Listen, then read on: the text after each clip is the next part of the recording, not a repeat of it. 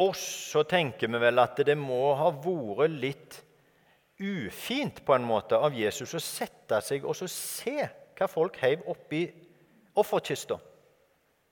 Eh, I den gamle kirka i Kopervik så var det sånn at den gikk fram husker dere det, rundt alteret, og så bakom alterbildet, og så sto liksom kista innenfor alterringen der, så en skulle legge penger oppi og så gå ned igjen. Og jeg, Hvis jeg var liksom prestevikar der et par ganger, så satt jo presten ofte rett på sida der. Så man kunne liksom sitte og se, eller høre, da, hvor mye liksom Så ble jeg, jeg gjorde jo ikke det. Jeg så jo ikke og hørte ikke etter, men jeg kunne ha gjort det, selvsagt. Og sånn gjorde Jesus. Og Jeg tenker at det, hadde, det er jo litt sånn ufint å sitte og se hva folk legger oppi. Eh, vi tenker at det er tabu, og så, og, så, og så følge med på det. I det hele tatt så er det litt tabu med pengene våre. Vi har riktignok sånn offentlige skattelister på nett, og sånn, men en, det er få som innrømmer i alle fall at de søker opp naboen. Flere som gjør det enn det som innrømmer det, vil jeg tippe. da. Eh, men det er sånn at det er tabu. Vi vil ikke si. Vi snakker ikke om det, hvor mye penger vi har. Men Jesus satte seg altså sånn at han kunne se. Og På, på den tid så var det jo sånn at i tempelet der var det 13 sånne offerkister som var faste. De var på en måte, Det var en sånn trompet, en sånn messingtrompet, liksom, en sånn trakt, som var eh, fast i tempelet. Det var montert liksom, som en del av tempelet. 13 sånne, hvor du heiv penger oppi, og så datt de ned i ei kiste. Og så var det forskjellige formål. da.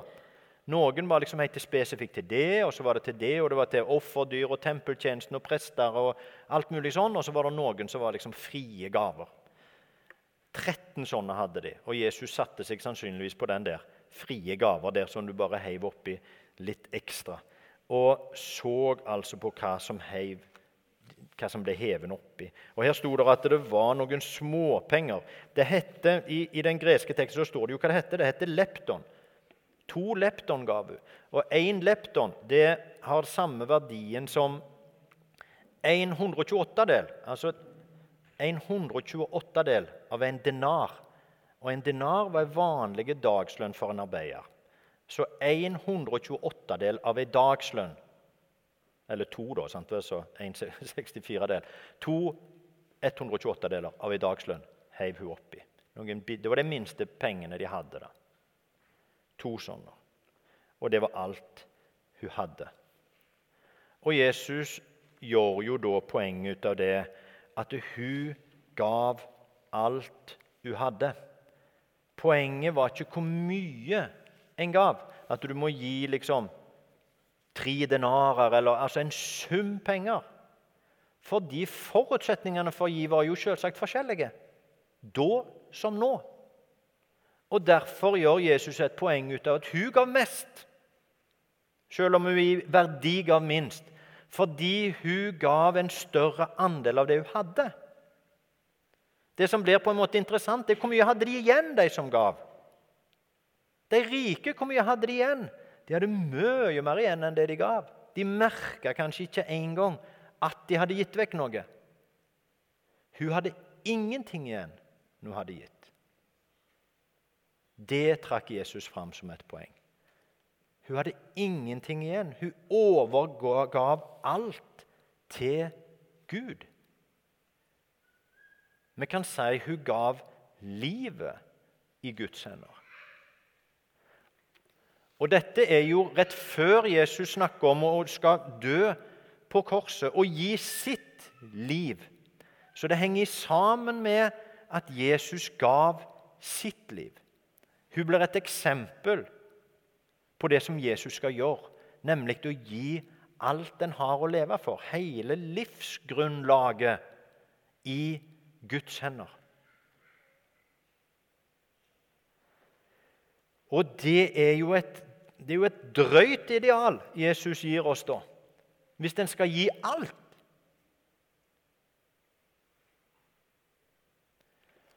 Og jeg tenker sånn at Før vi begynner med å si at ja, men det er noen forbehold, vi må ta noen forbehold Det er jo ikke sånn at absolutt alt skal vi gi vekk. Sant? Før vi tar forbeholdene, så må vi holde fast med hva som er idealet. Hva som er målet. For Jesus lærer oss et helt nytt tankesett. Og så peker han på hva som er helt i enden av den tenkningen. Hvis du går denne veien, hvis du går inn på denne måten å tenke på, så ender du der som hun fattige enka. At det, er ikke, det er ikke snakk om skal vi gi tiende, skal vi gi fem, hvor mye skal vi gi? Hvor mange prosent av det vi tjener, skal vi gi før vi har gitt passelig? liksom? Er det fem eller ti? Han sier det er ikke det det er snakk om. Du skal gi alt. altså Du skal overgi hele ditt liv i Guds hender. Det er på enden av den veien. Sånn som Jesus gjorde. Han gav sitt liv for Gud og for oss mennesker, hos andre. Og hun gav sitt liv over i Guds hender. Det er med enden av veien. Og så er ikke vi ved enden av veien, men vi skal strekke oss i den retning. Og så er det noen ting som vi skal tenke på. og det, De andre tekstene, hørte dere det om den gammeltestamentlige teksten? Det er jo kanskje eneste plassen det står i Bibelen at de, hadde, de måtte slutte å gi. Nå er det nok. Ikke mer penger. Vi har mer enn nok. Det er jo sjelden det sies i kirker og bedehus. Men det står iallfall i Bibelen at eh, på et tidspunkt så hadde de nok til det så de holdt på med, med tempelbyggingen da. Um, og da står den andre teksten så sto det jo at det er jo ikke sånn at en skal gi vekk alt. sånn at det, de fattige får alt, og så blir du sjøl fattig. Men du skal, hvis du har mye og har mulighet til å gi, så skal du dele med de som har lite, og en annen gang kan de dele med deg. Så det er jo noen justeringer med det at du skal gi alt. Men du skal overgi alt. Du skal legge alt i Guds hender. Ditt liv skal du legge i Guds hender. Det er det som er poenget. Vi har familie vi skal ta oss av, kanskje. Vi har hus og hjem og lån vi skal betale. Vi har helse å tenke på. Vi skal forvalte godt det vi har. Men vi skal være overgitt, avhengig av. Vi skal gi raust, vi skal dele. Vår økonomiske situasjon i Norge i dag er veldig annerledes enn det som beskrives i denne teksten. Og Jeg søkte litt på nettet, da. Og da er det sånn at eh, de siste 40 åra eller noe sånt, så har vi gått fra å bruke omtrent 40% av lønna vår til mat i 58 eller noe sånt, til 10% av lønna vår til mat i dag. Det vil si at vi har 90% til andre ting. Da hadde en 60% Og vår sikkerhet, tenk på det, vår økonomiske sikkerhet er jo knytta til Nav. Hvis det går liksom helt gale på, Eller helt gale det, Iallfall så har vi Nav, da, som dekker opp på alle bauger og kanter. på en måte, Og så har vi jo den velstanden vi har. Vi har en velferdsstat. Vi har gratis helsestell. Veldig lav arbeidsledighet og forsikringer på den ene og den andre kanten. Det er god butikk i å selge forsikringer som går på at hvis velferdsstaten ikke tar vare på deg Det er noen plasser hvor du kan dette imellom, på en måte, og så får du ikke den dekningen. Ja, da kan du kjøpe en forsikring for det. Sånn at du er på en måte helt, helt dekte for alt som fins. Det er vår situasjon. 10% av det vi tjener, bruker vi på mat. Og vi har altså denne sikkerhetspakken i bånn. Og så er det sånn at Siden 82 og fram til for et par år siden så hadde det vi brukte på klær og sko, dobla seg fire ganger. I 2012 så brukte vi 16 milliarder på sportsutstyr. Det skulle en ikke tro når en ser på oss, holdt jeg på å si.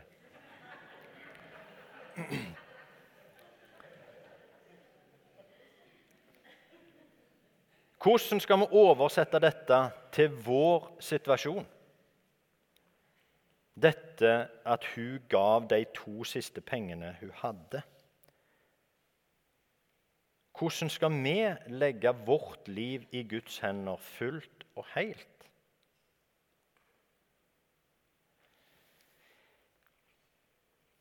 Jeg tenker det at vi må begynne med å forandre hvordan vi tenker. Vi må la det som vi ba om når vi hadde gitt offergaven her, så ber vi alt av ditt, Gud. Av ditt eget gir vi deg tilbake. Det er en tanke som er radikalt annerledes enn det som vi vanligvis tenker. For vi tenker at det er vårt. sant vel? Det er jo mitt hus, det er mine penger, det er mine klær. Og jeg gjør, selv, jeg, jeg gjør hva jeg vil med det som er mitt. Men vi må lære oss til å tenke at det er Guds. Vi har fått det av Gud for å forvalte det. Hele livet vårt har vi fått av Gud. Han har jo skapt oss. Og så er det sånn at Hvis vi skal være hele mennesker, så nytter det ikke bare å tenke. Sånn vi har tankene våre, det indre, motivasjonen vår, så har vi ordene våre. Og Noen ganger så er ordene større enn tanken. sant vel? Vi vet hva vi skal si for oss å framstå på rette måten. Da blir ordene våre større enn tanken. Da er det ikke samsvar. Og Noen ganger så er vi også mye flinkere til å gjøre noen ting. Vi gjør noen handlinger som får det til å se ut som om vi tenker de gode tankene. Det er hykleri. sant vel? Så det er ikke sånn at ok, du må ha rett motivasjon. Du må tenke at alt er Guds så er det i orden. Ja, men det hjelper jo ikke. Det er ingen nei, sultne som får brød av at du tenker at du skal gi. En må jo gjøre det òg. En må jo faktisk gi. Må, handlingen er jo viktig. Så det er jo ikke bare motivasjon, men, hand, men også handlingen. Så motivasjonen vår, ordene våre og, og handlingene våre må henge sammen. Vi må tenke det vi sier, og så må vi gjøre det vi sier og tenker. Og Gud vil forandre oss, altså. Motivasjonen vår, ordene våre og handlingene våre. Og i enden av den veien så har vi gitt det alt. Så har vi overgitt alt som gir livet vårt trygghet og verdi, i hans hender. Det er ikke sånn at vi da sitter igjen med ingenting. For han skal være med å forvalte. Sant vel? Når vi bruker penger, eller når vi bruker tid, når vi bruker livet vårt, så skal vår tanke være hva vil du jeg skal bruke livet mitt på, Gud? Hva vil du jeg skal bruke pengene mine på? Hva vil du jeg skal bruke tankene mine på? Og så gjør det som han svarer. Og jeg må gjenta at det vi snakker om nå, det er hvordan vi lever det nye livet. Dette er ikke snakk om hva vi skal gjøre for å oppnå oppnå Guds gunst og bli godtatt når vi en dag skal inn i evigheten. Det er ikke sånn som alle vitser liksom er at St. Peter står i porten og spør om du har oppført deg skikkelig. Og Hvis du har gitt masse penger, så har du oppført deg skikkelig, og da får du komme inn. Det er ikke sånn det er.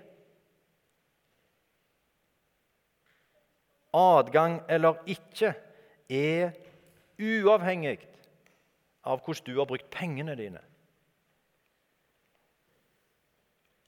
Det er Jesus og hans nåde. Det er korset som du kan gå igjennom. Korset som ikke vi har satt der.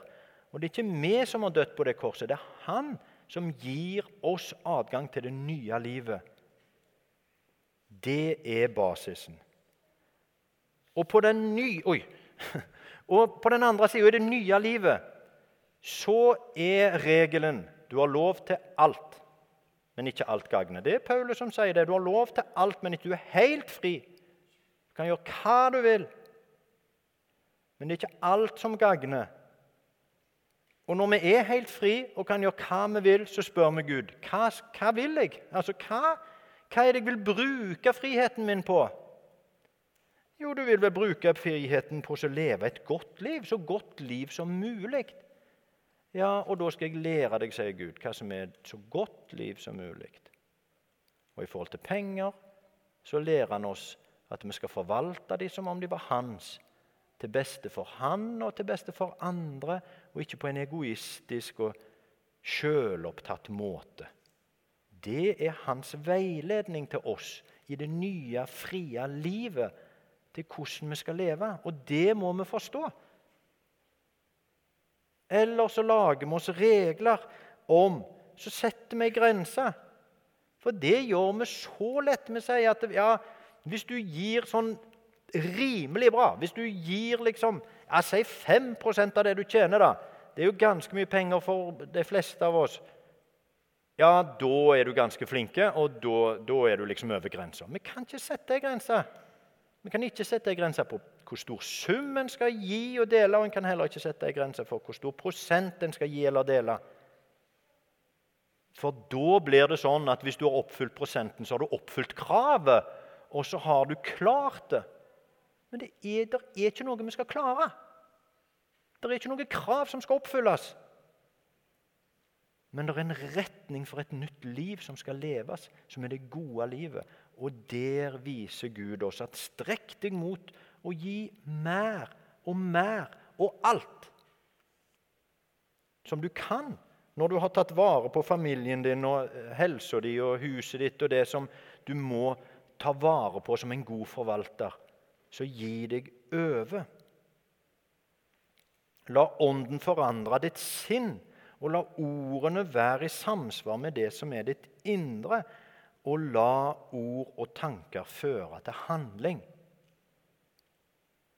Elsk din neste som deg sjøl og Gud over alle ting.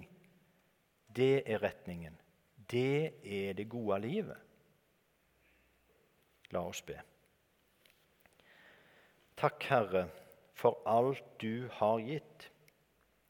Takk for livet, for pusten og muligheten til å stå opp og leve. Takk for kloden, og takk for andre mennesker og dyr og skapninger. Takk for at du har gitt oss en sånn rikdom og velstand her som vi bor, som gir oss en trygghet for mat og drikke og livet vårt. Takk, Gud. Takk for at vi skal få leve et fritt og nytt liv i din nåde. Herre, vis oss den gode vei, og gjør oss villige til å gå den. Amen.